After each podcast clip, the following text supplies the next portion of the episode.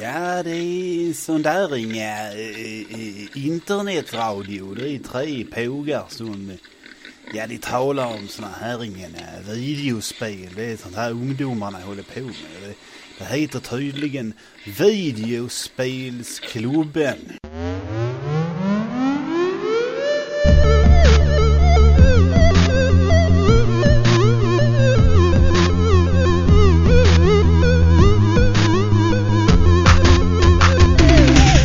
Välkomna till Videospelsklubben. Det är jag som är Stefan Gassimaluk Ganser och med mig har jag Lenny.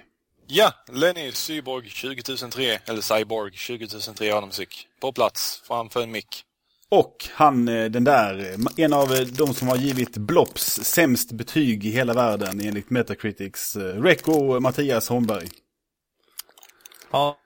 Som, äter, som äter halstabletter och prasslar. Ja, jo. Uh, eh, ja, jo, sämst betyg i världen. Eh, fast det är en som har gett eh, 60 på Metacritics Oj, nu. Okay. Och du delar eh, det här med 70 betyg med tre, med två Då får väl jag försöka vara ännu... eh, vi kanske inte ska, vi kanske inte ska få det att låta som att du sitter och försöker Nej. ge ett sämst betyg heller. Allt för kontroversen. Allt för kontroversen. Jag, jag vet inte, jag var så här lite blandade känslor en, en del av mig kände bara shit, wow, var det verkligen bara jag som tyckte att det var inte var så bra, men nu känns det så här tråkigt på något sätt bara, nej, jag ville ju Du ville vara den. Jag ville vara kontrovers, jag ville vara rebellisk. Ja, men du, du är ju en av ganska få ändå, jag vet inte hur många betyg det var totalt, men det, var, det blir ganska många på de där populära spelen Ja, eh, dagens avsnitt eh, handlar bland annat om nästa Men generation. Men det som spelar åt mig är att jag är en av ganska få som är med i... I, ja. Eh, vi, vi, ska prata nästa generation idag, det är dagens tema. Men det är ju det sista vi pratar om idag. Så vi börjar med vad vi har spelat. Lenny, vad har du eh, spelat? Oh, den här veckan är enkel. Det har bara varit massa eh, Sonic All-Star Racing Transformed och eh, Battlefield 3. Det är i stort sett det enda jag spelat denna. Ja, jag hade en liten, eh, liten en timme eller två satt jag med en kamrat i lördagskväll och eh, hoppade igenom lite eh, skyltar i senaste Need for Speed också. Men det är allt jag spelat denna veckan. Och du pratade om Sonic förra avsnittet va? Ja, det är helt enkelt jag har suttit och ja. grottat mig igenom eh, Main Career Mode lite till. Som eh, Stefan fick bevittna i eh, fredag och lördag. Mm. Ja, jag såg lite där. Och jag har ju spelat själv, men det kan jag ta sen vad jag tycker också. Eh, jaha, eh, och Mattias, du har inte spelat någonting vad jag vet? Det har varit ännu en fruktlös vecka för mig med en massa MS-röj. Ja. Jag vet inte varför jag har fastnat så mycket för MS-röj, men det är det, mm. när jag sitter vid datorn så är det nästan är det, det enda jag Är gör. det bandesignen du tycker är... Det... Det är lite ja. som en uh, Rogue. ja, men det är det ju faktiskt. Alltså ett misstag som man det, Jag vet inte, det är ända sedan födseln när min pappa visade hur man gjorde. Hur man jag tycker den, att jag. Eh, fiendegalleriet är lite tråkigt. Nu tycker jag vi inte ska vara, vara så skämtsamma om Venezuela. Det är, det är ett av världens bästa pusselspel för mig liksom. Och eh, det, hela grejen med att, jag menar det, det är ju som Tetris ungefär att om man väl fastnat för det så liksom kan man spela det oändligt länge liksom. Ja. Det finns uh, en anledning till att det ligger men, kvar där i Windows varje gång. Men det, det, är inte perfekt. För det finns ju väldigt många situationer där det är 50-50. Det går inte att lista ut vilken av de här två rutorna som är den sista minan. Och, och du, du vet, du har 10 sekunder kvar. Du har 10 sekunder kvar och lyckas du så, så slår du rekord. Eh, men misslyckas du så får du börja om från början såklart. Och så sitter man där, shit, hur, jag, jag vet inte hur länge och, eh, jag vet inte, och så trycker man så har man fel. Och sen vill man döda folk. Ja, det kan jag tänka mig. Ja, men, men, men är det inte, är, jag, ska bara, jag måste bara, innan jag glömmer bort det. I, ja. i Windows 8s version så, så har man achievements va? Det har jag ingen aning om. Men, det har jag hört, att det är kopplat till här, alltså till Xbox Live där. Mm. Du, får, du får achievements när du nice. spelar Jag, jag vet bara att Windows 7-versionen så tog de in den här ytterst kontroversiella funktionen att Um, om du misslyckas på ett spel så kan du spela om det spelet. Uh, och få exakt samma layout som tidigare, vilket är jättekonstigt såklart med tanke på att det förstör bygga Det- utmaningen. Det är Så lite man- som när man kan spola tillbaka i ett racingspel. Ja, ungefär, men, men eh, det här är så illa på en sån skala man, man kan ta sönder spelet.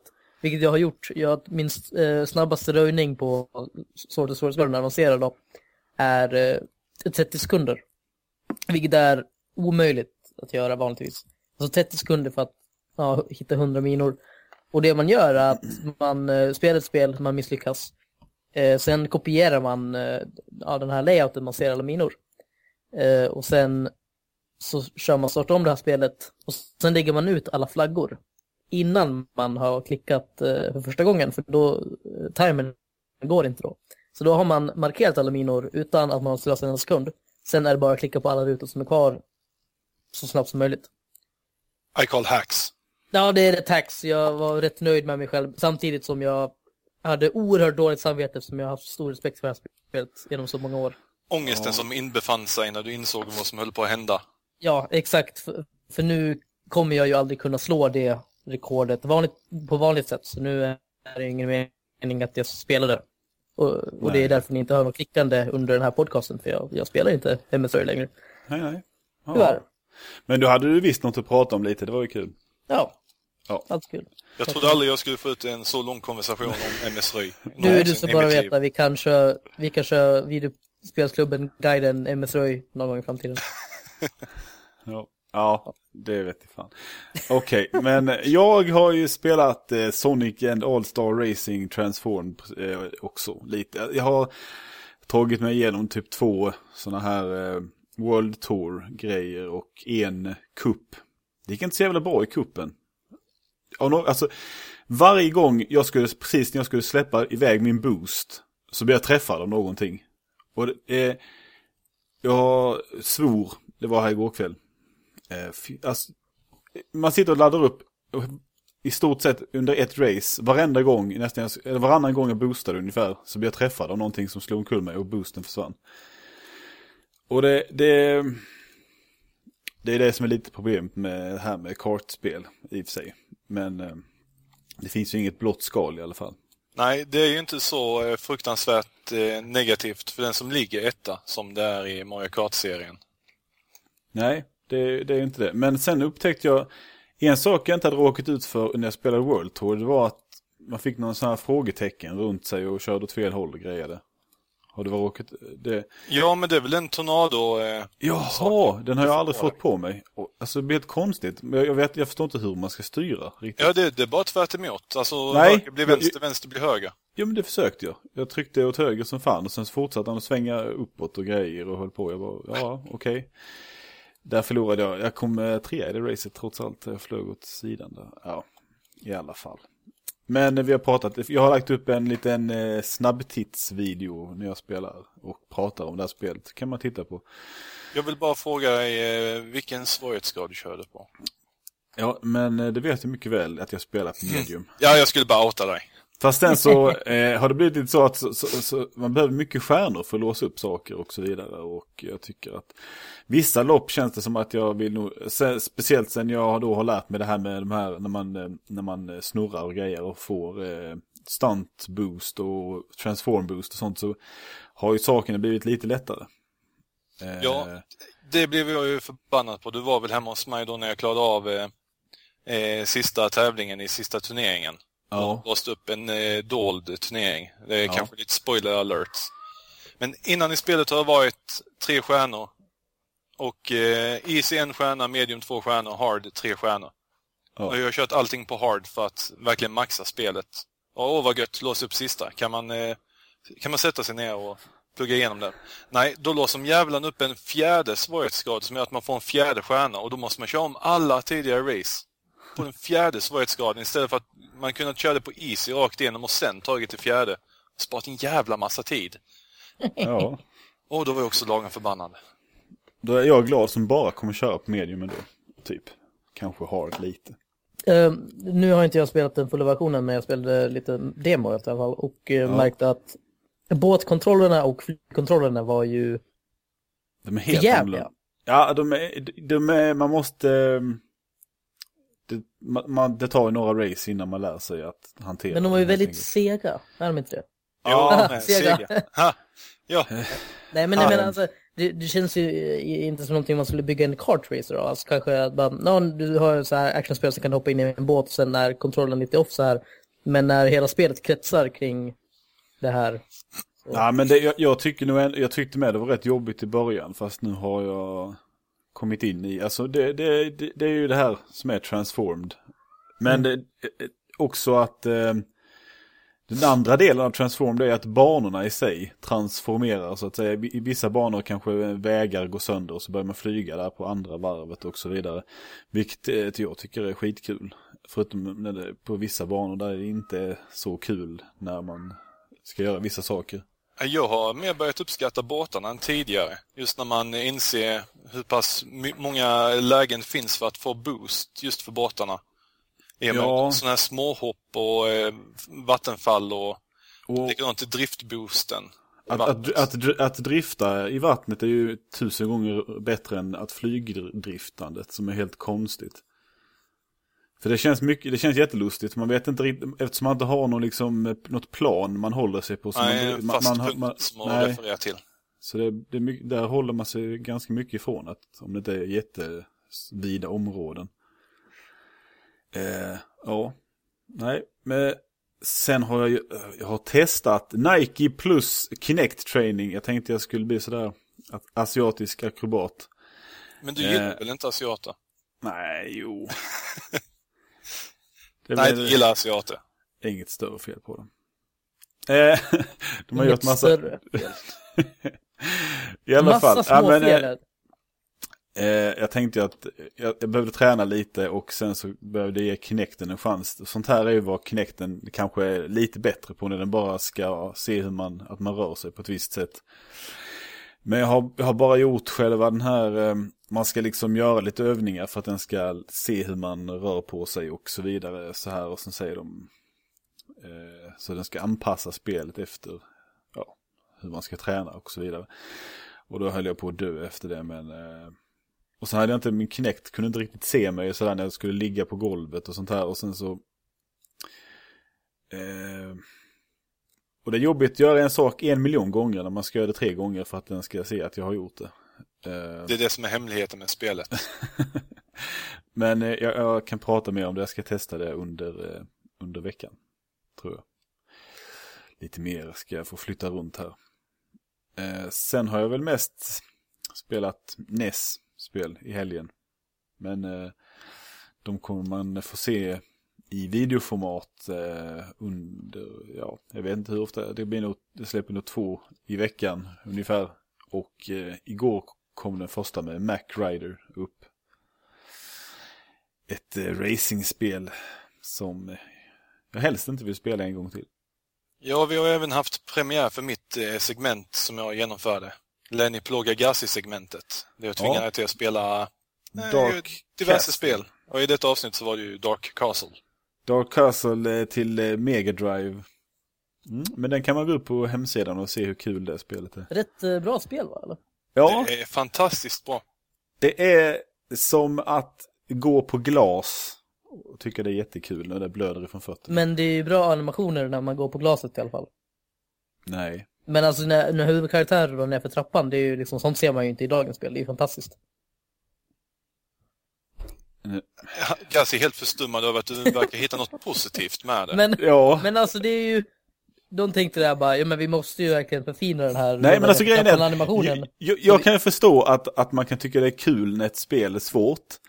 Men det här, det här är bara jättejobbigt. Det är ju fiender som respawnar i all evighet som bara och så den här konstiga Nej, nej, nej, nej. Ja, den ja. Åh.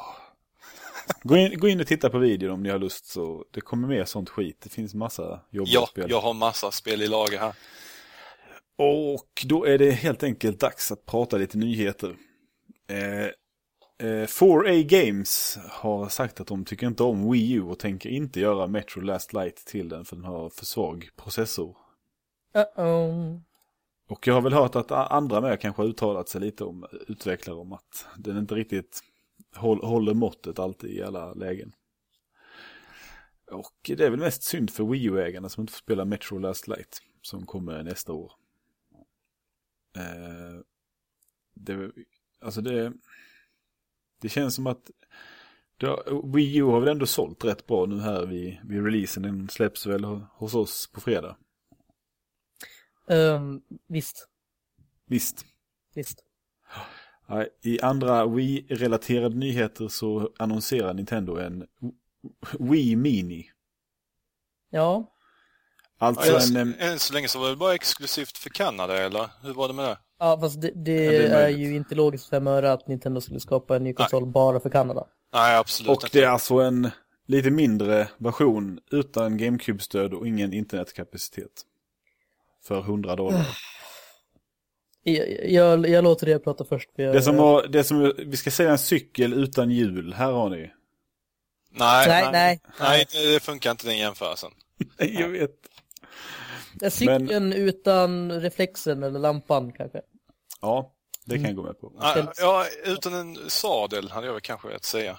Det går ju att cykla, men det är ju inte kul eller bekvämt.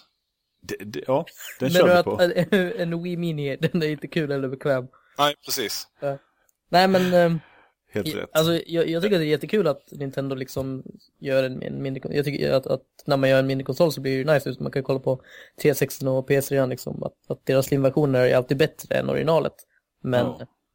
Jag tror men att, att, ta, att ta designen bort och... sådana eh, Jag kan förstå att man tar bort GameCube-stödet kanske, men alltså Mm. Ja, men det gjorde internetkapaciteten är ju hela det PlayStation 3 här. Också, liksom. Jo, man tar ju bort den här bakåtkompatibiliteten. Mm. Men alltså att ta bort internet så man inte kan köpa alltså online-grejerna och inte spela online, vilket ändå kanske är ganska värdelöst. Men, Mm. men det är rätt, det är, det är bara konstigt. Men just eh, designen tyckte jag var härlig på den. Som en Ja, fyrkant. jo. Ja, jo, men det, Röd och svart. Och sen att det var en sån här toploader också.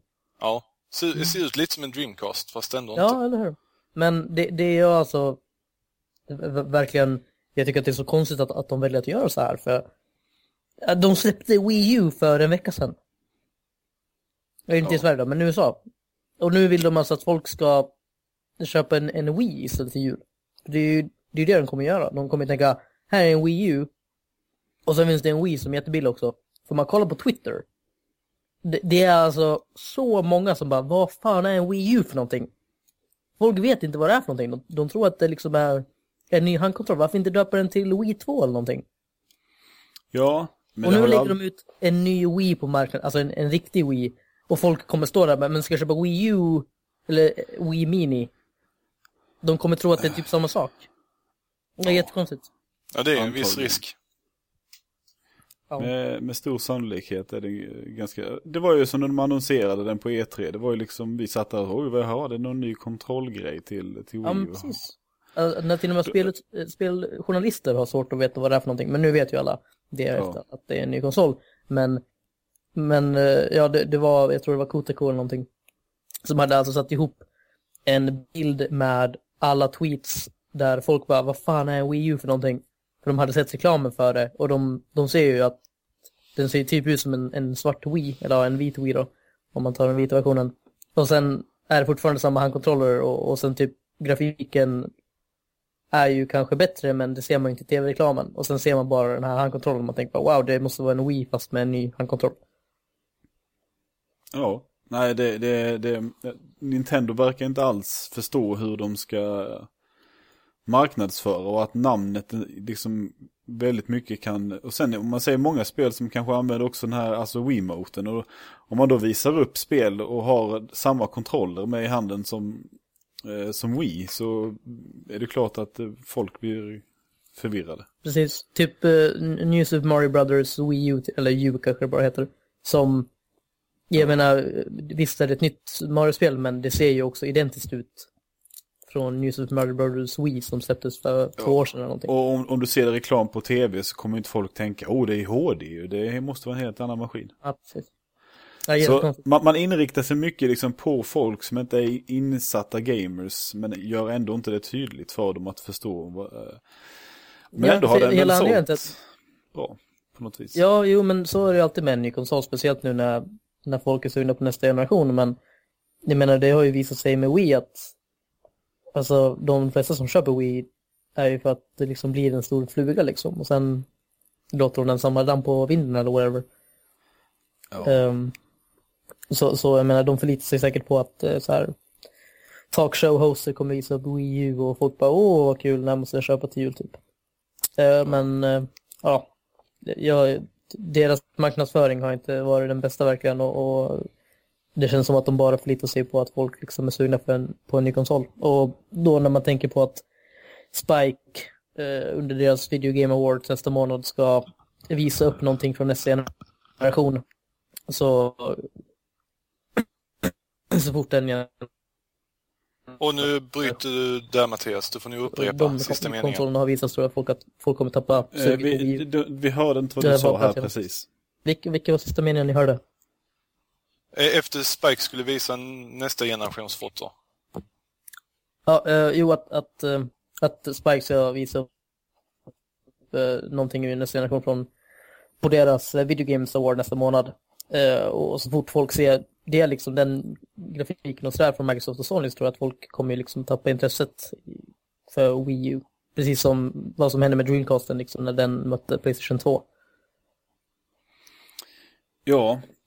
Eh, det är så konstigt av Nintendo. De, de, de släpper en maskin som inte ens verkar kunna liksom mäta sig eh, med dagens alltså, konsoler. Som, som det här med Metro, att det inte kan klara av Metro. Mm. Det är jättemärkligt.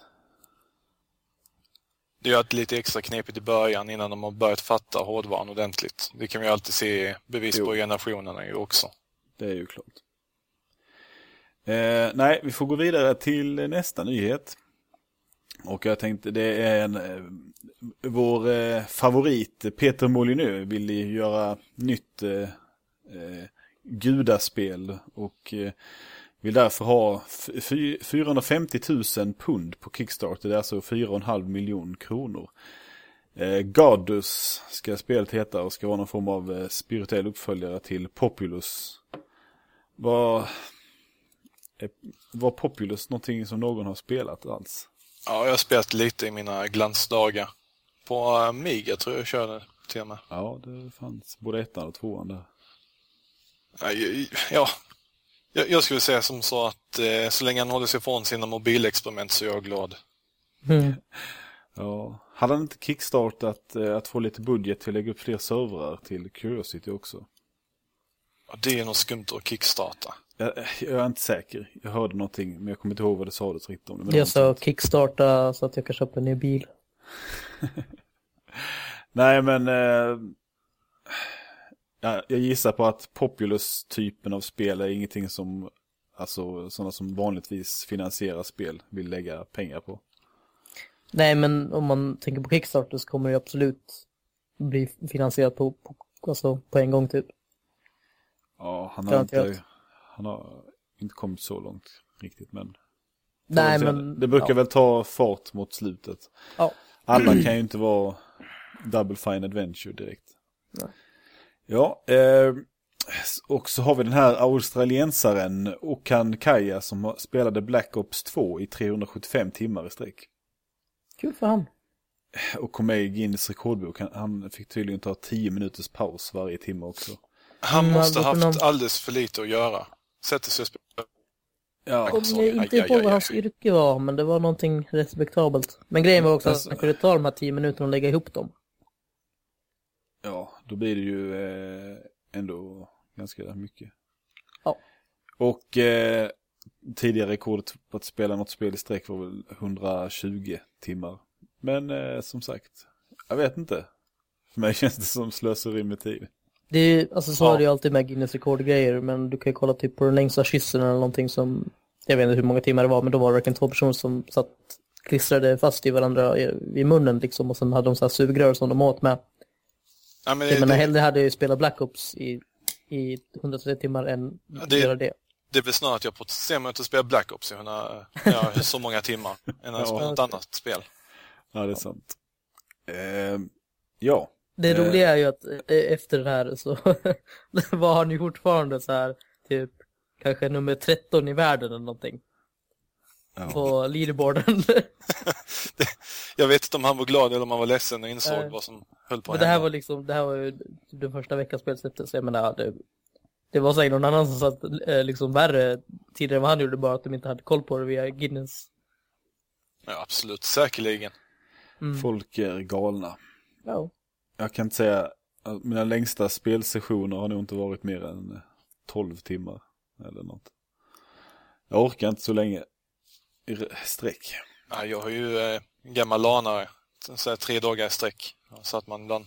Nej, alltså, eh, eh, när jag var död, minst.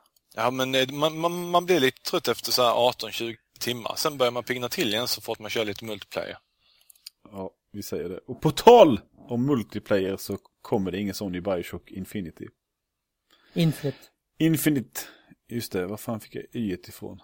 Ja, Infinite, Bioshock Infinite får ingen eh, multiplayer. Och det, det är väl bara bra att de slipper slösa utvecklingstid. För Bioshock känns inte som någonting.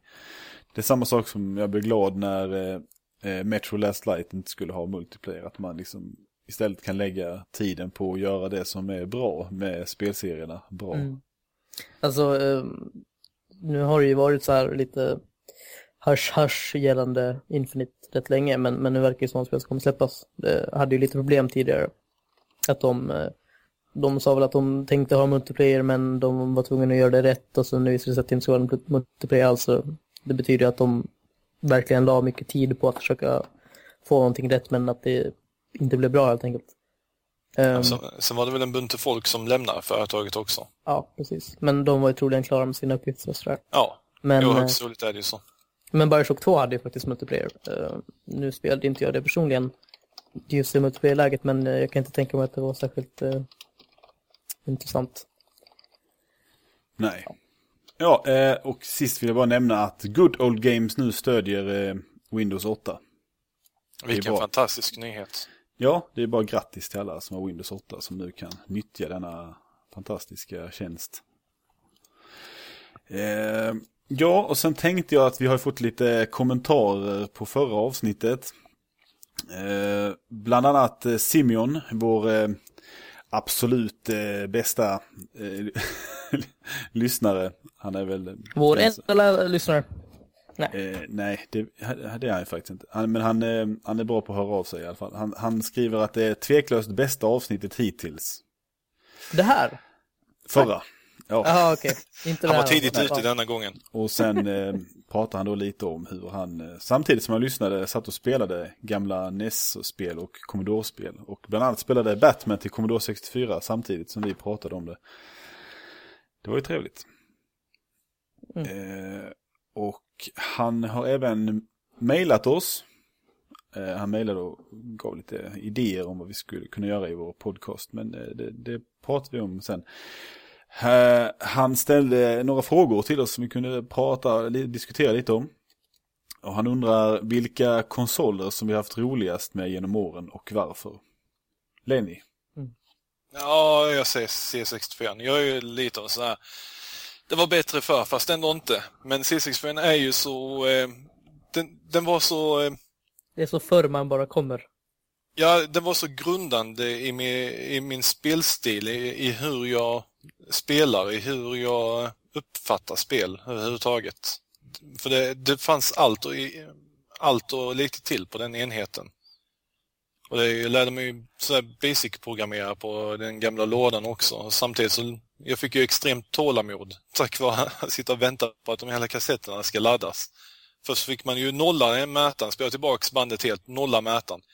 Sen fick man eventuellt spola fram till så här 38 eller något. Och Och där- för, för alla lite yngre, yngre lyssnare så pratar han då alltså om kassettband som är en form av eh, magnetisk eh, lagringsmedium.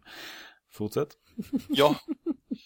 den där processen om att eh, eh, leta upp de där och sen hade man anteckningar, en pärm om var spelen låg någonstans på kassetterna. Det blev så mycket...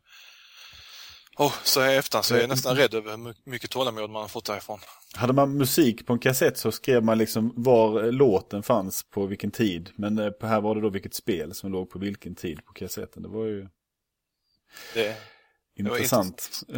nej, men, eh, C64, jag kan sätta mig utan problem och spela C64-spel även idag. Det bästa är på en sån här diskettstation där man bara stoppar in disketten i. Och, och när vi pratar diskett så pratar vi inte floppy utan nu pratar vi en stor jäkla större, mycket mer flexibel grej som har samma funktion i stort Det är väl 525 tums eller vad det är. Ja, något sånt. fina grejer. Eh, Mattias. Ehm, oj. Och sen, men, äh, jag, jag, rent så här spontant så måste de bästa konsolerna jag har haft vara först och främst Mega Driven med alla Sonic-spel. Eh, sen Playstation med Crash Bandicoot och Spyro och sen Xboxen med Halo 2. Så det, det är ju svårt att säga liksom vilken av dem jag har haft mest kul med, men det är ju de tre konsolerna jag har haft under min barndom och de har alla lika starka minnen liksom. Ja, ja. Ja. Eh, jag, får, jag säger nog NES. Mycket skoj har jag haft med den. Megaman och Megaman. Tack. Eh, och, och så vidare. Ja, ni vet vad det finns för bra spel. Eh, så tar vi en fråga till. Om vi fick ta med ett spel till en öde ö. Och det var enda vi fick spela resten av livet. Lenny, vilket skulle det bli? Lumines. Mm, bra svar. Vill du ha motivation? Ja. Pussel och bra musik. Det är min motivation. ja. Och Mattias. Då tar jag MS Röj med Spotify. Nej, men... Eh, jag vet, eh, finns, har den här Öde Örnen en router som man kan spela online? Nej, Har den inte det? Okej. Mm. det var inte så jävla öde. Eh, nej, men trådlöst internet. Nej. Nej, okej. Eh, i- man, en del av en vill ju säga liksom så här världens bästa spel som typ Grim Fandango. Men eh, jag tror jag... Kan bli ändå- tråkigt i längden. Ja, eller hur? Man måste ju gå i samma steg som... Jag tror det är bättre sa. att, göra som Len- Lenny välja ett, ett, ett spel som bara repeteras hela tiden. Men, men då, gör, som- då gör jag så här. The Sims. Ja, vilka fantastiska äventyr du kan ha i det spelet. Ja, ja, Skapa dina vänner. så Ja, behöver du. Ja, sorgligt. Ja. Så Alltså, sitter man sitter och pratar till skärmen. Ja, sitter jo, på öde det ön. är ju fantastiskt. Åh, oh, ja, men jag kommer över på fika. Du, du snackar bara med grannarna när de är i ditt hus också. Du har sådana speciella regler hela tiden. Mm. Ja. Alltså, alltså, jag, nu, jag skulle ju troligen så här typ skapa, alltså jag vet, jag vill ju inte tänka på sånt, väldigt mörka tankar, men jag skulle ju troligen skapa alla personer jag kände. Och bygga upp min stad så som jag kommer ihåg den. Och sen fortsätta mitt liv inne i datorn liksom. Ja, ja.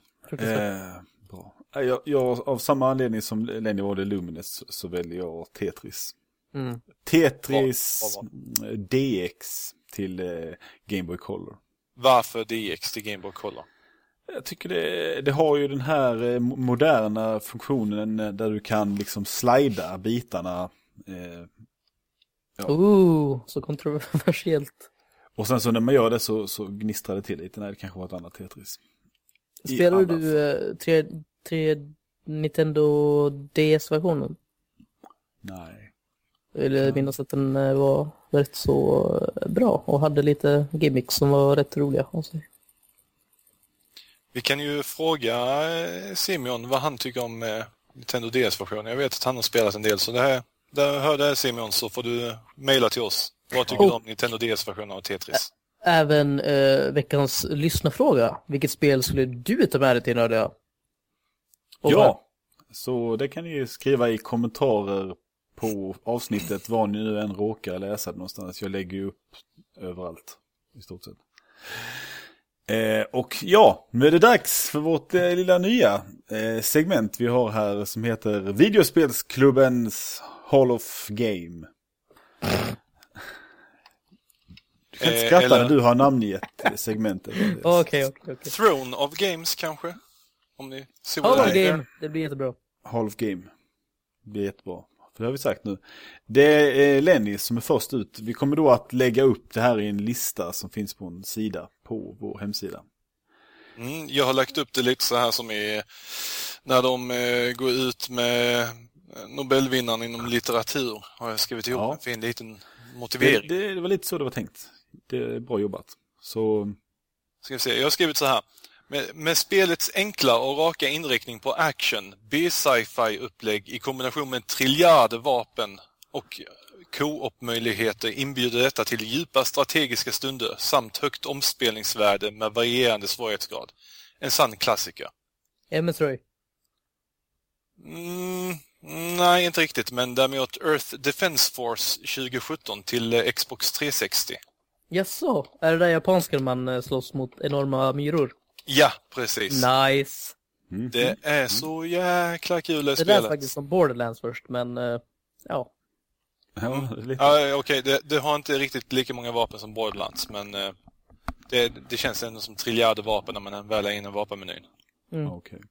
Nej, men det var en eh, fin, fin motivering. Jag har Mm. aldrig spelat, jag har sett dig spela det någon gång för år sedan. Och så tänkte jag, för helvete, vem har, vem spelar detta? Nej, men det, det är ju skitkul för att det är så extremt klichéaktigt och be, bestinkande på ett bra sätt, ett positivt sätt. Och samtidigt så är ju all, alla vapen är ju eh, random drops på. Och ju svårare svårighetsgrad du spelar på desto bättre eh, vapendrops får du ju. Vilket Mm. gör att det, du hela tiden pressar att ta nästa svåra bana för att få bättre vapen. Samtidigt som varje sån här eh, sköldpoäng du samlar på dig får du behålla om du klarar banan så att nästa bana kan du eventuellt ha lite mer liv som du kanske behöver för att klara av den här gigantiska roboten på det stället. Jag, jag gillar valet, lite såhär wildcard. Jag Ja, skulle inleda med en lite mer eh, okänd pärla. Mm. det är fint. Och då är det dags eh, att eh, vi åker tillbaka till dåtiden. Eh, 26 till november till 2 december är det som gäller. Och vi börjar med ett action-RPG som släpptes den 27 november 1992 till SNES. Utvecklades av Quintent. Quintet. Släpptes av Enix. Mm. Eh, jag, jag kan inte... Det, det är väl ett, vad ska man säga, top-down eh, fågelperspektiv snett uppifrån RPG, action-RPG. Ja, eh, Var det Lagoon? Nej, det är Nej. inte action-RPG? jo, det är det.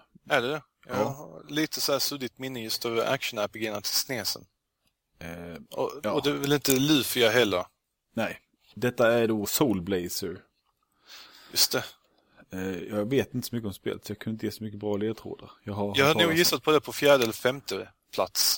Ja, I, okej. I min gissningsordning där. Då är det tur att jag har lite, lite, lite andra spel som vi kan gissa på som kanske är lite mer, eh, eh, mer, mer kända. Eh, nästa spel är, ska vi se, genre kanske vi inte ska... Eh, det här släpptes 1 december 1992 till arkad. Jaha, har vi Ehm. gått in på arkad nu också?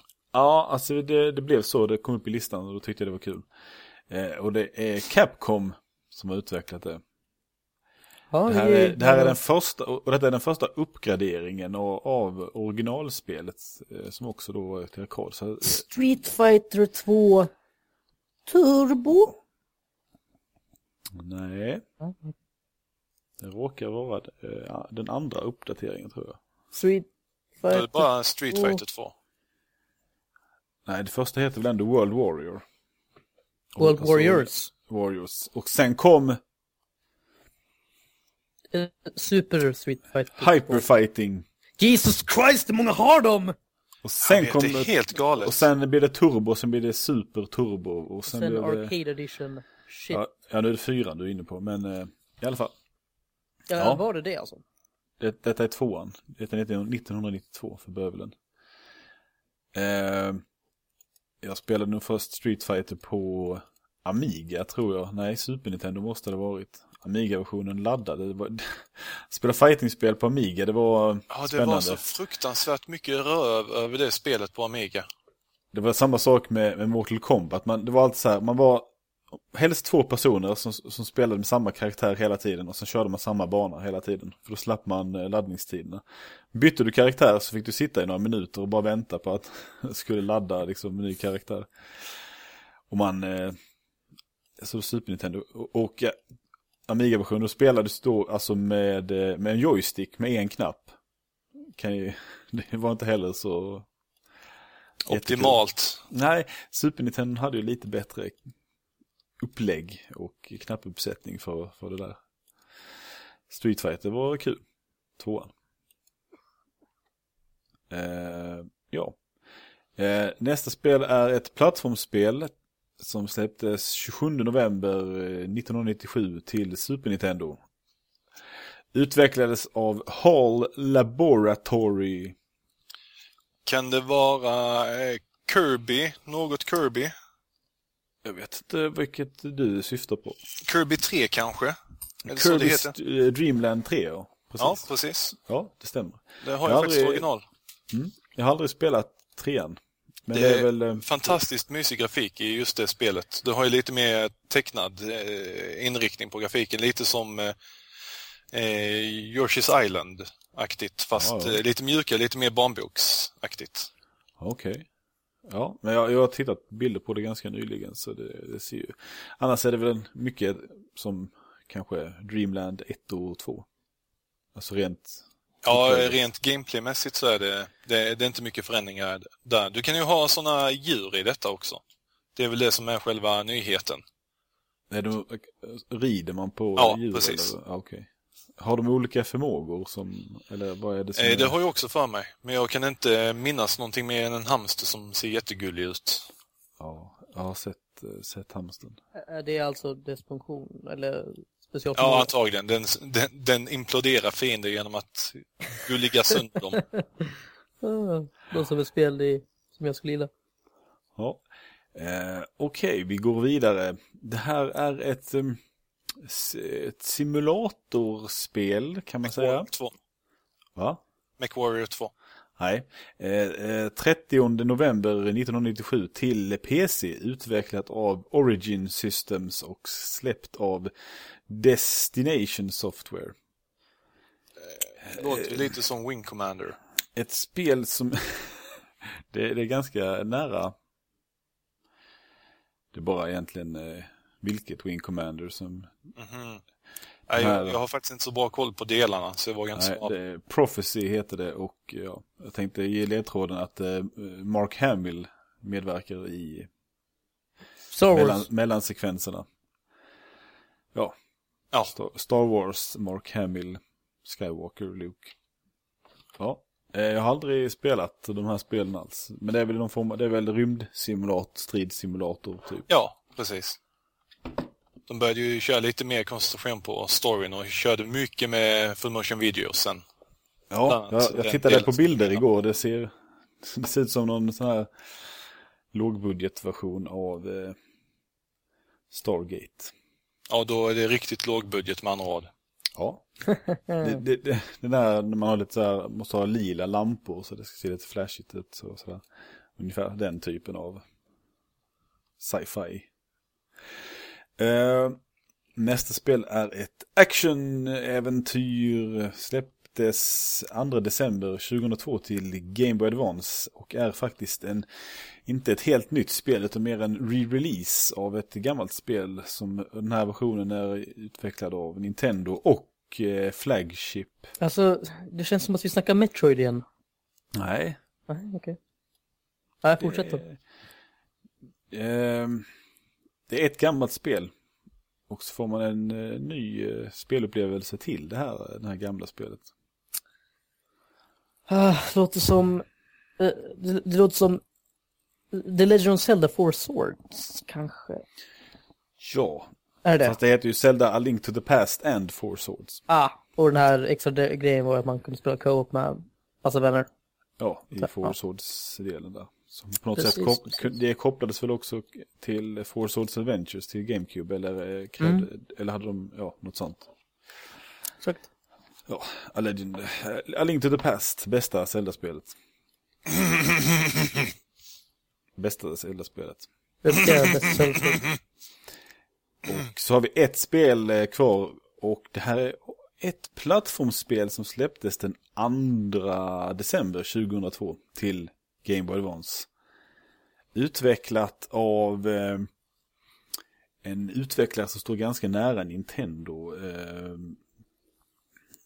eh, någon form av laboratorium. Hä? Eh, mm. Deras, ett laboratorium, men de har också tagit namn efter en, en, eh, en, en dator tror jag ifrån en sci-fi film från 70-talet eller sådär. Är det också Eh. ett Kirby-spel? Eller vad är det? Eh, Det var insinuerar jag. Ja, Mm. det är då eh, Hall Laboratories som har gjort det också. Eh, Jag tror de har döpt Hall, kommer från den här, det är väl i, eh, vilken film är det? 2001, A Space Odyssey. Ja, just det, så är det. Eh, jo, det är ett Kirby-spel. Så att det var från 70-talet. Ja, det var en ren chansning faktiskt. Det var fel! Den är från 60-talet. Ja. 68... Gammal och dålig. 62... Nej, du, den är inte dålig någonstans. Men i alla fall, vilket Kirby-spel är det som släpptes till Game Boy Advance? Eh. Kanske. Är det någon form av remake av första spelet eller jag har inte... Nej, det kan det inte vara. Det är Nightmare in Dreamland. Nej, det är väl inte någon remake? Nej, Eller är det? Nej, det, det är det säkert inte. Det är jag som... eh, Jag har det någonstans i spelhyllan i varje fall. Kom det inte en remake på första spelet av något? Av något? Nej, jag bara hallucinerar. Du hal, nu Nisse. Uh, Ja. don't go there. Nej, men Kirby-spelen är trevliga. Men jag, tycker första spelet är lite för kort. Eh, Till Gameboy. Ja, det? jo, visst, de är alltid, de är, de är alltid för korta spelen. Men, Men, eh, men första är ju värst, för jag, jag kommer ihåg jag, hade, jag köpte det till Gameboy. Sen så hade jag fått hem det, sen så gick jag skulle sätta mig och titta på tv hos min gode far. Och jag satte igång spelet och, och innan reklampausen tror jag i det programmet vi började titta på så hade jag klarat spelet.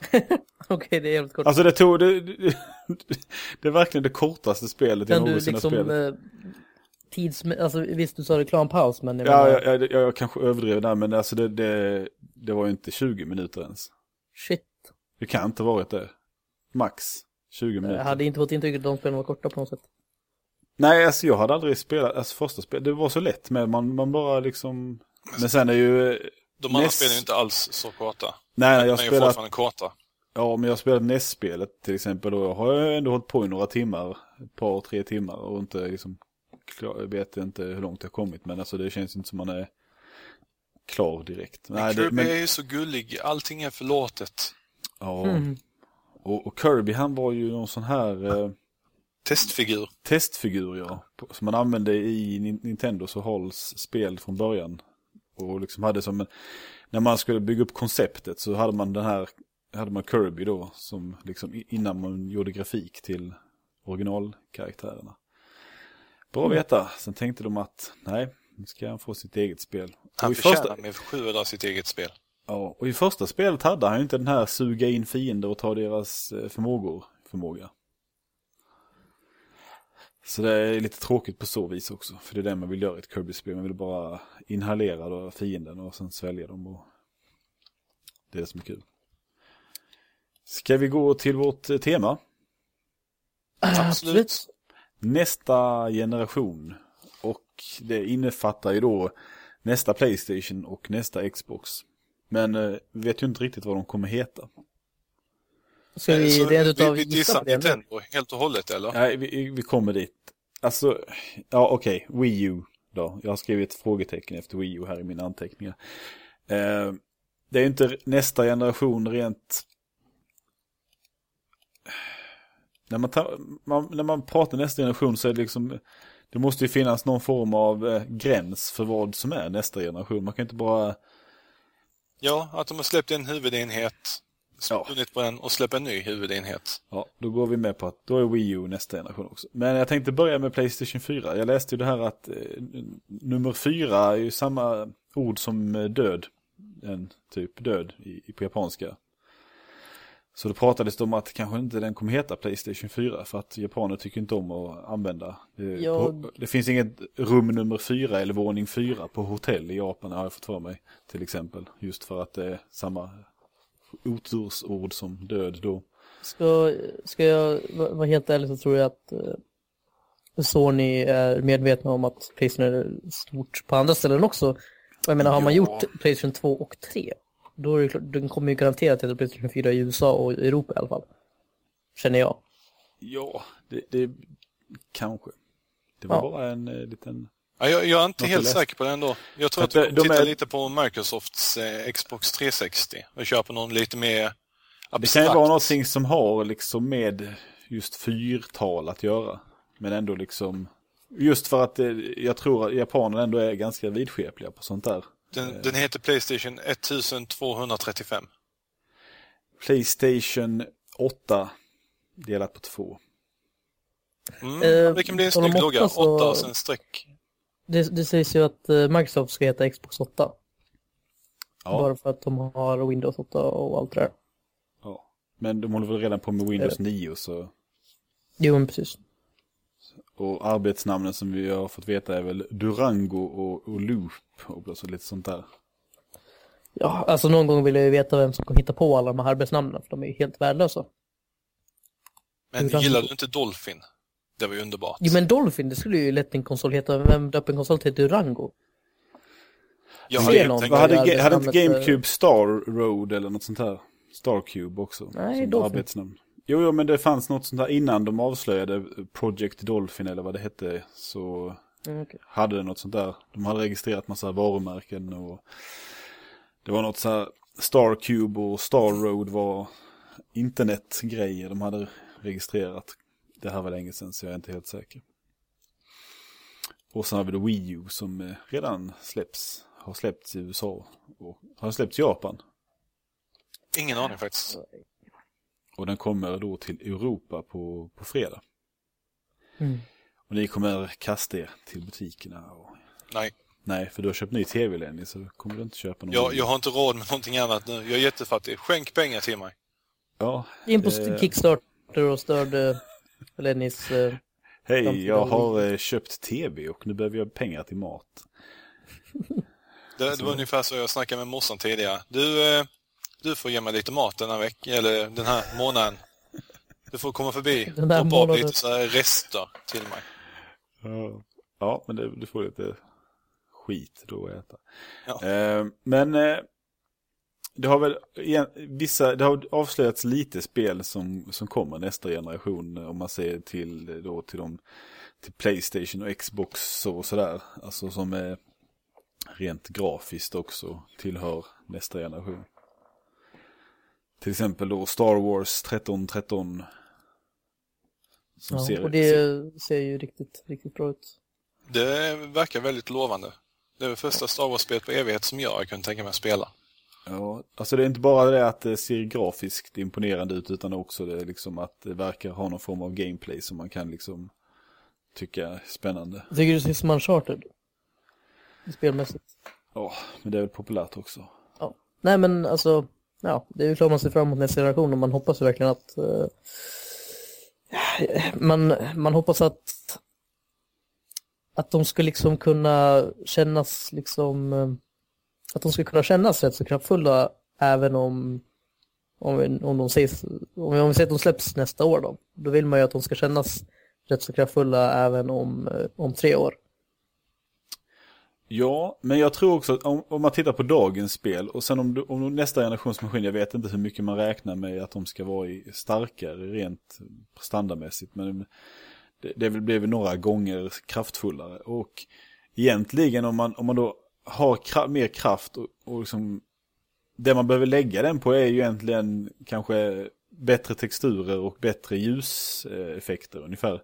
Jo, Ba- Bara men- det kommer göra att, skulle man lägga det på dagens spel så skulle de ju se extremt mycket snyggare ut. Jo, men, men samtidigt som du ger dem bättre textur och bättre ljus så ser de ju bara ut som PC-spelen gör nu. Ja. Och då kommer ju PC-spelen, det kommer hamna i exakt samma situation att PC-spelen kommer ikapp konsolerna på en gång och sen så kommer vi sitta där i, sex år till och säga Ja, oj men, shit eh, vad dåliga konsolerna är. Så, så är det ju alltid och så kommer det alltid att vara. Det, Jag det man lever att det var, jag tyckte inte att det var så när i slutet av Xboxens tid. Då kom ju Riddick i slutet och bara shit, det här spelet är ju supersnyggt. Och det var ju, fanns inte mycket snyggare spel på PCn tycker jag. Jo, det tycker jag. Jag kommer ihåg att jag tyckte att det var supersnyggt för att vara till Xboxen. Men, eh, ja. PC Mm. hade inga problem med det. Men jag tycker, tror samtidigt att i och med att det kommer bli alltså mycket bättre grafik än vad det är nu. Alltså om vi säger spel som, som Far Cry 3 och Crysis 3, de är ju väldigt snygga. Mm. Och om, om eh, då nästa generations konsolspel ser ut, alltså är snyggare än det, så håller det ju ändå i, i, längre i, i tid. Alltså man, man kommer ju inte gnälla på, när spelen ser ut sådär så är det ju, man kommer inte gnälla lika snabbt som kanske denna generationen när, när spelen inte börjar hänga med. Så jag var helt ärligt så tror jag inte att, eh, vad heter det, jag skulle bli förvånad om, om hur ska man säga, medelspelet så att säga, liksom så här helt vanligt spel, såg bättre, det, det kommer inte se bättre ut än vad Crisis gör nu på dagens generationer. Bara för att de, först måste de lära sig hur konsolen funkar. Och det kommer ta jättemånga år. Så vi kommer nog inte märka så stor skillnad till en början från de här eh, vanliga utvecklarna medan kanske typ 343 som jag åtminstone hoppas har rätt så god koll på hur framtida Xboxen kommer se ut och, och kanske Epic och sådär. De men, liksom men sen samtidigt så om man använder till exempel eh, om man licensierar spelmotorer som är anpassade efter de olika formaten så kommer det samtidigt bli alltså när man gör som Unreal Engine och, och Cry, CryEngine de, de, eh, de är multiformat och i stort sett så gör du samma saker i, mm. i en grej så ändrar du det i alla versioner av och anpassar liksom alla versioner av ditt spel samtidigt. Just. Och då, eh, då behövs det inte så mycket det är mer, jag tror om man utvecklar sin egen motor som det är jobbigare att göra spel till, till forma, alla format egentligen. Men eh, hur, hur, tror ni att det kommer vara med, vad heter det, för, för när Sony släppte Playstation 3 till exempel så tänkte de att det här kommer vara i tio år. Och, och Sony är ju inte i sådär jättebra position så att de, de skulle säkert inte kunna ha skapat en Playstation 4 för något år sedan för de hade inte haft de pengarna helt enkelt. Uh, och jag menar, det kommer ju kosta jättemycket att ta fram de här konsolerna. Så tror ni att de kommer liksom satsa på att hålla det i tio år till? Och liksom, då kommer det garanterat bli så att, att efter ett tag så kommer nästa generations konsoler kännas riktigt gamla och att kanske inte på grafiken men liksom prestandamässigt, bilduppdateringen kanske är jättedålig och animationerna är dåliga och då kanske inte klarar av lika mycket som PC-spelen gör. Eller tror ni att de kommer göra så att de kanske till och med låter sig uppgradera konsolerna som, precis som en PC, att man typ köper ett nytt grafikkort till en ny Xbox.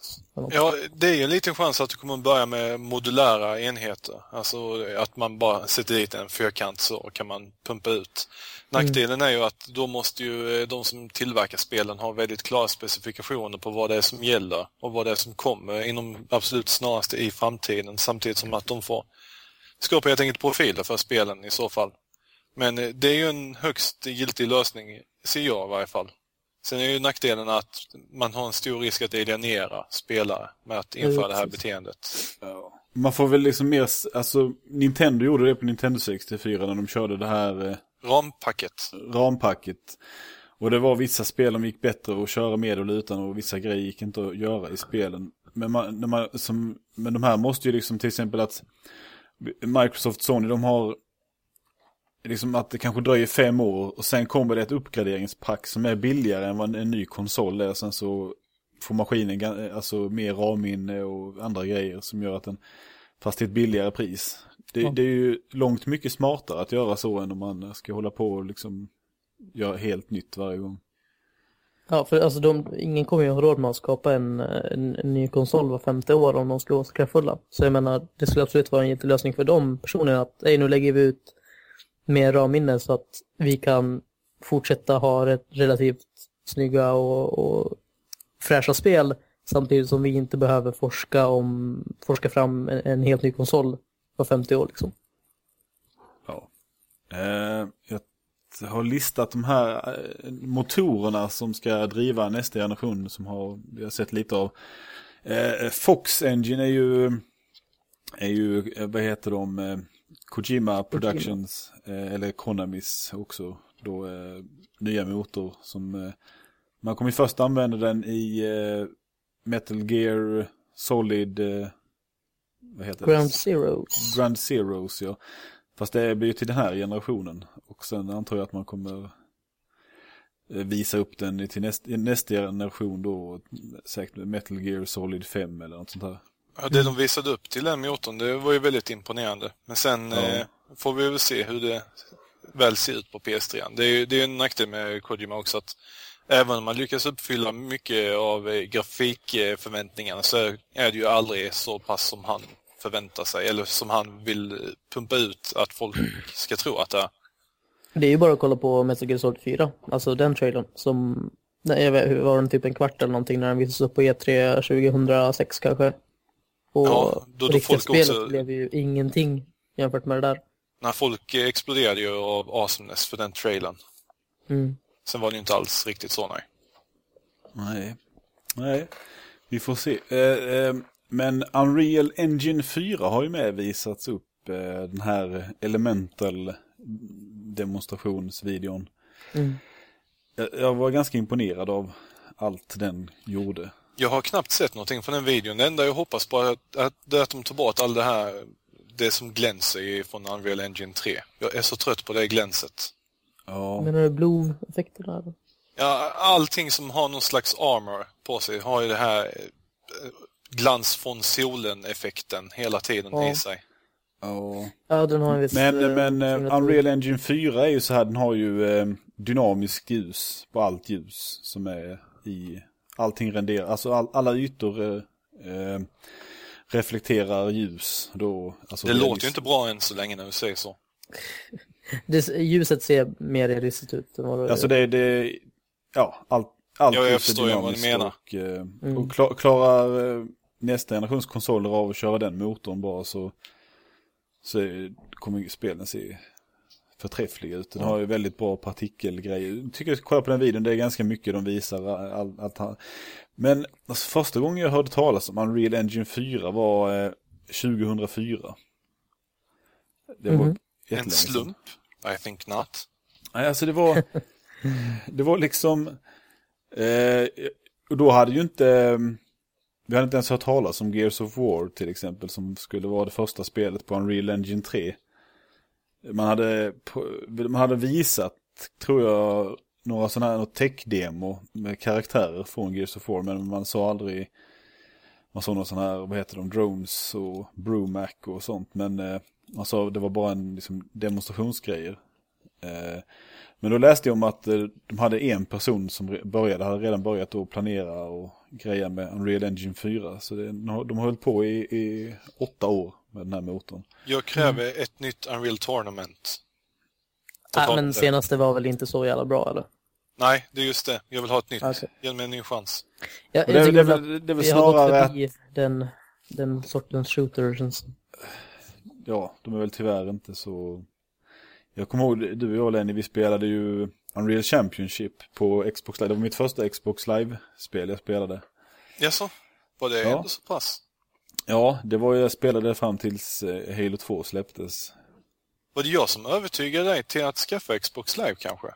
Nej, alltså eh, jag sk- skaffade det och sen så eh, köpte jag då Unre- Unreal Championship bara för jag skulle, det var det väl ett av de Jag har redan spelat det mot bots tror jag ganska länge.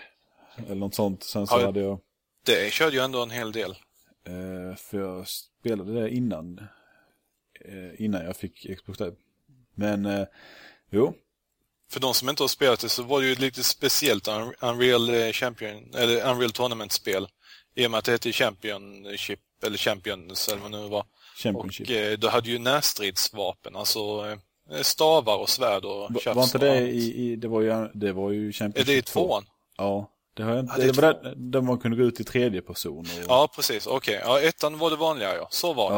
Men det var ändå annorlunda för det var ju konsolifierat med lite, det var ju lite mindre antal spelare och så här tror jag. Mm. Lite mindre banor, men det var ju kul också.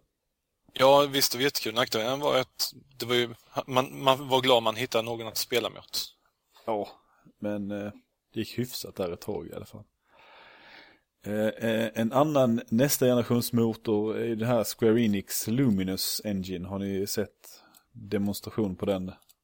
Jag har sett lite, lite. Jag har liksom Ja, det förbi. det, ja.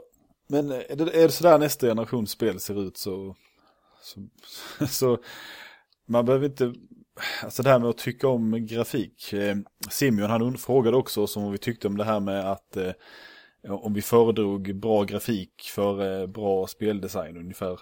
Eh, jag, jag har inget emot att spel ser jättesnygga ut, men det är såklart eh, liksom speldesign och hur spelet funkar i sig som är, men det känns som att nästa generation kommer att kunna göra snyggare spel liksom utan att eh, det är ett så stort besvär för dem. Alltså, eh, för mig är det som spelar en roll liksom hur bra optimerat det är. Sen spelar det ingen roll om spelet, alltså Quake 2 till exempel. Jag tycker att Quake 2-motorn är jättecharmig. Hur karaktärerna ser ut och den här blockiga saken och så. Men jag vill ju fortfarande att, att spelet ska vara designat efter den, att den ska hantera mot, mot de bra. Och, jag menar, det viktigaste i nästa generation för mig det är att bildskärmsuppdateringen är hög. Ja. Att, eh, och att hellre spelvärlden kanske är stor och, och vacker rent artistiskt, eh, alltså konstnärligt sett, än att den är snygg rent tekniskt sett. Liksom.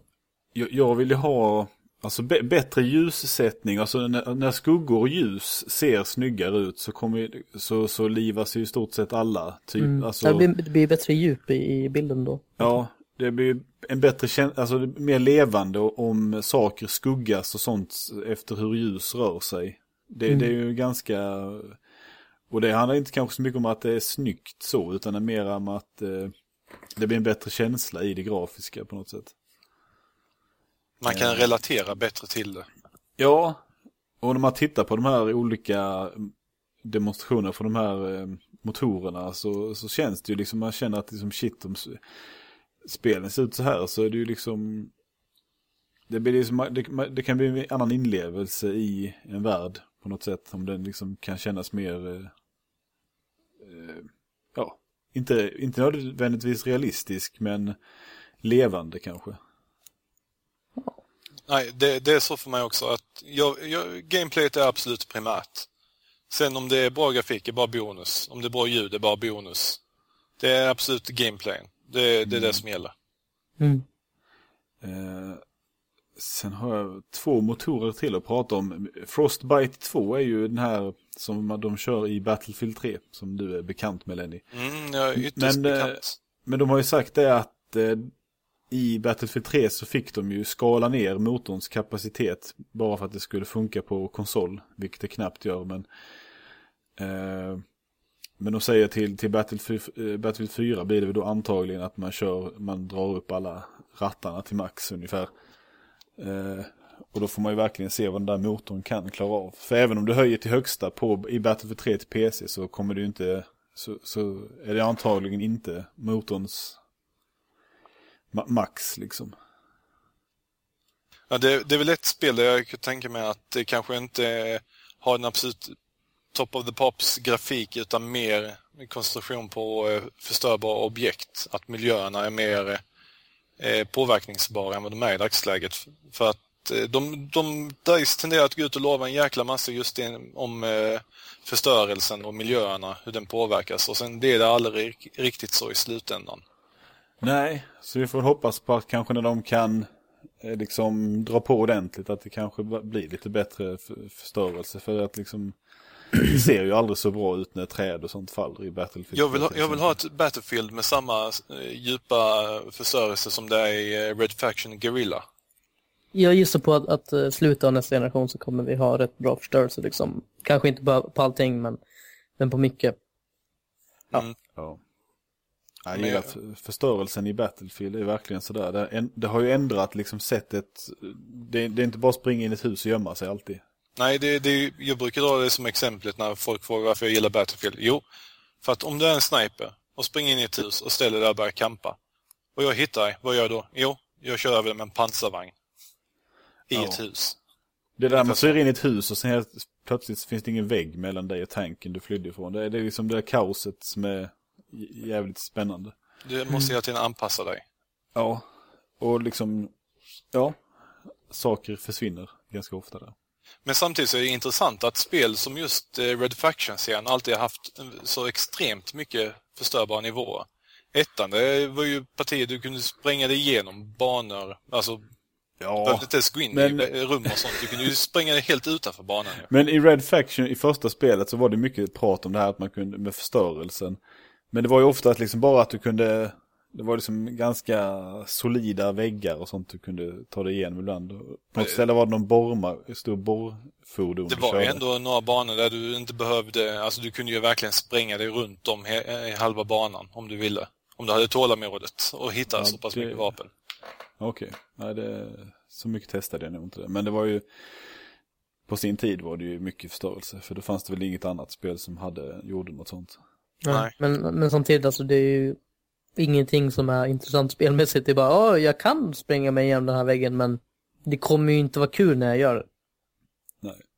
Och jag tror Unreal Engine 4 har väl med lite, alltså Unreal Engine 3 hade ju lite så här, kan lossna grejer från pelare och sådär. Men jag tror de har lite mer eh, i, i fjärde motorn. Men, eh. Alltså grejen är att folk förstår ju inte riktigt det att om man kollar på Unreal Engine 3 till exempel.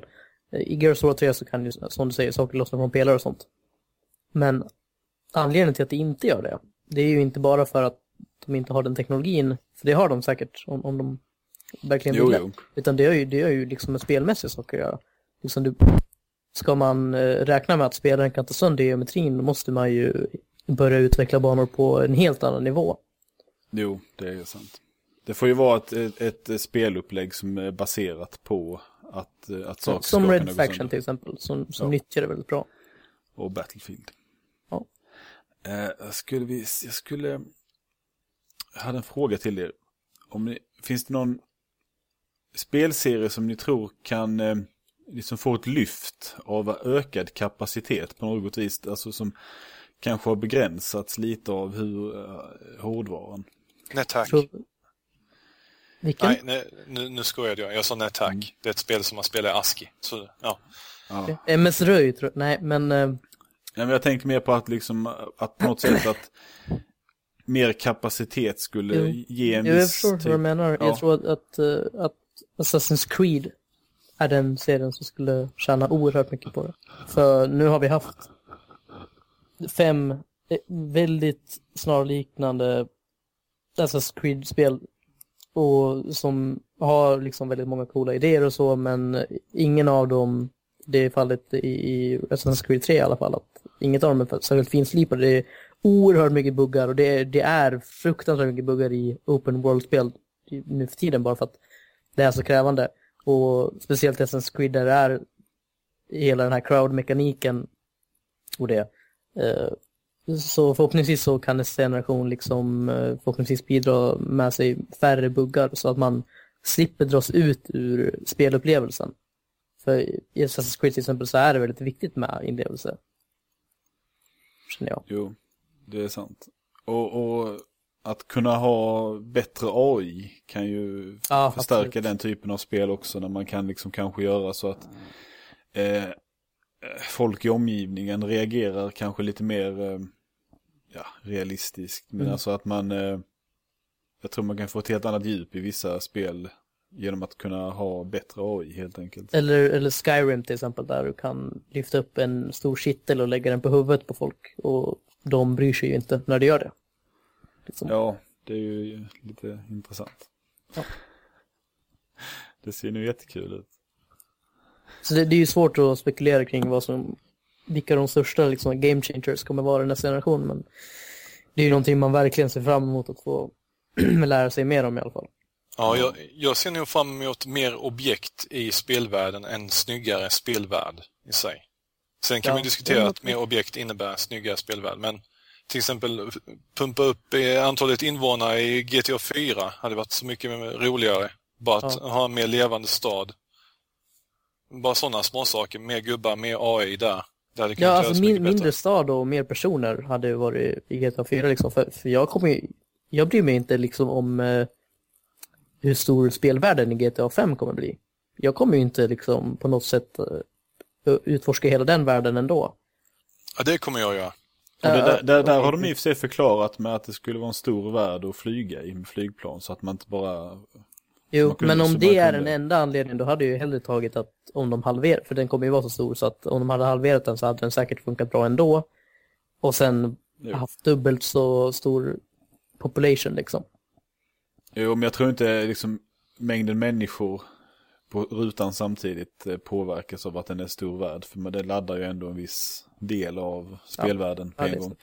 Så, men, men där, ja, men GTA-spelen är också ett bra exempel där man kommer kunna ha mer, eh, ja, som ni säger, mer folk och att det känns mer levande. Mm. Det får vi väl hoppas att de... Sen eh, om du kollar på Call of Duty-spelen. Om du kollar på en bild till exempel. Så ser det väldigt imponerande ut.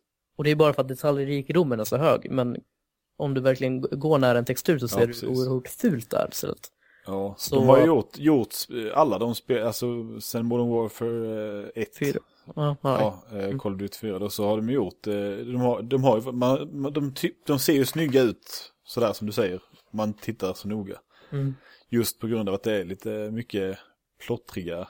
Mm, det är så här, så här konservburkar på marken och det är svårt att gå in i det i detalj men typ gräs i sprickorna av cementen och massa sånt där som Man har Som liksom man- detaljerade texturer men de är inte så snygga egentligen. Ja, men i helheten så ger Men det det en bild av det är verkligen så att de detalj. har tagit, de har tagit alltså en bild från en verklig plats och sen tänkt på okej det finns så här mycket skräp på marken, då måste vi ha så mycket skräp på marken i vårt spel. Så.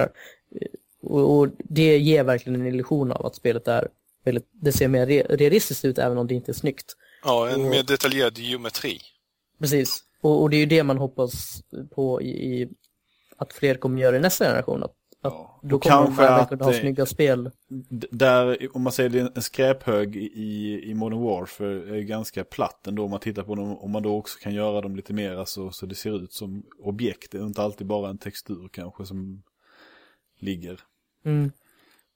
Eh, och, och Modern Warfare gör väl också det här mycket med liksom, att det flyger förbi liksom, papper i luften och Ja, sådana här grejer. Som, det är ju med detaljer som, Ja, partikeleffekter snygga- och så.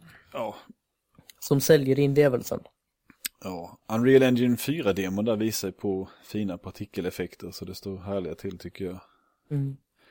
Jag tror Square Enix har ju licensierat Unreal Engine 4 också för att komplettera sin egen motor som redan i sig så snygg ut. Jag vet inte Och det, ja, den motorn ser ju väldigt eh, imponerande ut, men samtidigt så måste man tänka på att Square Enix är de som alltid har förrenderade mellansekvenser oavsett vad de gör för någonting, oavsett vilken generation vi snackar om. ja. så- Men just i, i demon så står det ju real time. Fast men det är ju, Ja, det är ju jo, real det time står real time på många trailers, Stefan. Men eh, som, som om man tar Halo 4, det, det är ju real time i mellansekvenserna också oftast. Men det är ju en förrenderad, alltså en, en förbestämd Jo, jo, precis. Där man kan lägga på lite extra effekter eftersom ingen, ingen, eh, ingen fysik eller AI körs samtidigt. Mm. Eh, Men Source eh, Engine 2 har det ju pratats lite om att eh, Valve har ju hintat om att de håller på med den. Mm. Ska vi hoppas på Half-Life 3 till nästa generation med snygg, fin, ny motor? Ja, varför inte? Det, det lutar åt det hållet nu i alla fall. Ja, Jag, jag vet inte vad jag ska säga om Valve, jag kan inte säga någonting om Valve. Nej, de är... Alltså, det är en sak att vara lite hemlighetsfulla någon gång. Men Ja, Sen men är det Valve. det är liksom bara... Men, men sen när, när Half-Life 3 väl släpps så är vi jätteglada ändå. Jo, jo, jo, det är klart, men jag menar, jag menar var, jag vet att det är mycket PR och marknadsföring och sådär, men var, varför inte bara säga, ja, vi jobbar på Half-Life 3. Men Ja, låt oss ta den tiden det tar liksom. Man vet ju i stort sett att de, de måste ju hålla på med det. Jo, men ibland är det enda man behöver lite så här reassurance, typ att ja, Jo, jo. Det, det kommer när det är klart. Typ som Duke Nukem Forever liksom. Hade de varit helt knäpptysta under alla de här åren, då hade ju folk, ja, jag vet inte, blivit galna typ. Men det de gjorde var i alla fall att ja, det är på väg, det är på väg, det är på väg. Och då, jag vet inte, levde väl hoppet i alla fall och folk blev inte lika galna. Antar jag. Nej. Det är helt rätt. Ja, har ni något mer ni vill säga om era förhoppningar och tankar om? Nej, det, är så, det är så svårt, det är så tidigt än känns det som. Alltså All- Wii U släpptes är som vilken konsol som helst, den gör liksom ingenting eh, revolutionerande som man har läst om vad de andra ska göra, typ att ja, de ska inte ha skivor överhuvudtaget eller någonting sånt, utan eh, Och det hoppas jag verkligen att behålla fysisk media. ja, ja, ja det är så, det är jag så jag svårt tror du klarar dig en generation till där Ja. i alla fall. Mm. Ja, det så, känns så som mer det- än, Det är, det är för många i till exempel USA och så överallt i världen som har alldeles för dålig internetuppkoppling för att ladda ner ett eh, 50 gigs spel som ska annars rymmas på en Blu-ray-skiva. ja precis. Ja, men, men av den anledningen så ser jag mer fram emot generationen efter nästa generation, bara för att få se lite så här mer high-tech saker. För nu verkar det som att nästa Xbox, nästa Playstation kommer vara mer eller mindre samma sak som vi har förväntat oss förut, bara med bättre teknologi. Ja. Ja. Eh, ja, då får det vara nog för den här gången. Vi tar ju då som vanligt gärna emot kommentarer på avsnittet på vår hemsida eller var ni nu, nu såg att vi eh, hade lagt upp ett nytt avsnitt. Eh, det går också att mejla till hej at videospelsklubben.se. Vi har fått eh, lite sådana här fina reklammejl om allehanda saker som verkar lite fejkade. Det var någon som ville att man skulle ge kontonummer till dem som kunde sätta in 2,5 miljon euro eller något sånt. Åh, oh, du gav ut ditt konto antar jag? Verkligen inte.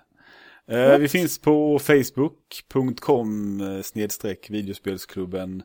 Eh, på Twitter heter det eh, at, video, VS-klubben och jag hittar man på, det där var inte korrekt svenska. Eh, Kör bara. Jag heter att Gassimaluk och Mattias heter att Flodvakt och Lenny är att osocial. Nej, men eh, han har ingen. Jo, skicka, sen finns vi skicka på... Twitter till den personen. och så finns vi på iTunes där man jättegärna får ge oss en recension om man nu lyssnar på oss där. För att eh, vi har fått fortfarande bara en recension och två betyg på fyra var. Eh, och så finns vi såklart på videospelsklubben.se där vi inte bara podcastar utan bloggar ibland i textform och det dyker upp en del videos närmaste tiden där jag och Lenny spelar NES och så kan man ju då lyssna på när, eh, när vi, eh, ja. När vi sitter och trackar varandra, eller jag trackar ja. Gassi. Eller vi trackar spelet, eller Gassi. Ja. Och jag lägger upp lite, lite snabb, eh, snabbtittare emellanåt på saker jag har lust med. Gammalt och nytt. Och sen så ska jag väl försöka fortsätta med min serie där jag spelar Landstalker. Ja, tack. Du vill se det, ja. Men, ja. Eh, ja. Tack och hej. Tack så mycket. Ha det bra hej. allesammans.